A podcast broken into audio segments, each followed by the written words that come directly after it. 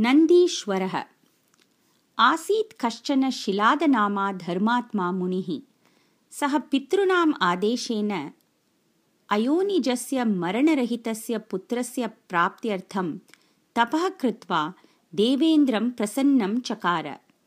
परं देवराजः पुत्रप्रदाने स्वस्य असमर्थतां प्रकटितवान्। ततः शिलादः महादेवं प्रसन्नं कर्तुं तपः तेपे तस्य तपसा प्रसन्नः भूत्वा महादेवः प्रादुर्भूय समाधिस्थं शिलादं जागरयाञ्चकार। तदा शिलादः शिवस्तुतिं चकार। भगवान् शिवः अकथयत् वत्स वरं वृष्णीष्व इति। शिलादः शिवम् अवदत् प्रभो अहं भवत्समम् अयोनिजं पुत्रम् इच्छामि इति शिवः अवदत्।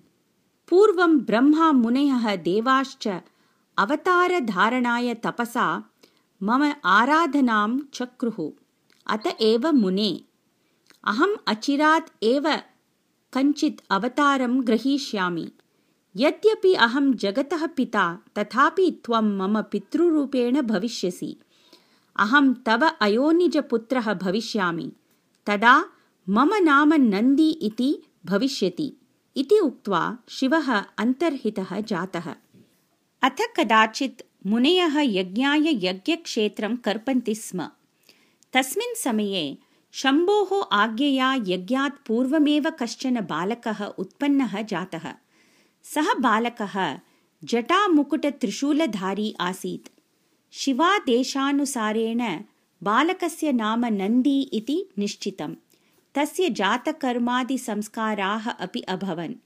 पञ्चमे वर्षे सः साङ्गोपाङ्गं सर्वाणि वेदवेदाङ्गानि शास्त्राणि च अधीतवान्। सप्तमे वर्षे पूर्णे जाते शिवाज्ञया मित्रावरुणौ उपस्थितौ। तौ शिलादम् अवदताम् यद्यपि तव पुत्रः नन्दी सर्वशास्त्रज्ञः तथापि अयम् अल्पायुः इतः परं सार्धैकवर्षमात्रं जीविष्यति एषः इति। तयोः वचनम् आकर्ण्य पुत्रवत्सलः शिलादः नन्दीं हृदयेन आलिङ्गितवान् दुःखार्तः सन् रुदितवान् च। तदा नन्दी पितरम् उद्दिश्य तात अहं तपसा मृत्युं तोषयितुम् इच्छामि।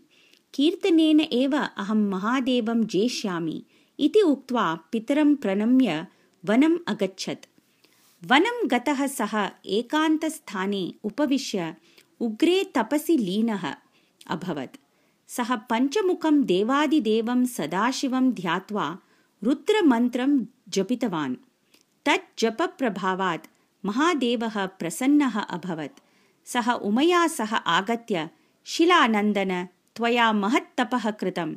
तव तपसा तुष्टः अहं तुभ्यं वरं दातुम् आगतः अस्मि। वत्स नन्दिन् तव मृत्युभयं कथं? त्वं मत्समः असि। त्वयि मत्समं बलं भविष्यति। त्वयि मम निरन्तरस्नेहः अपि भविष्यति। इति उक्त्वा वरं दत्त्वा शिवलोकम् अगच्छत्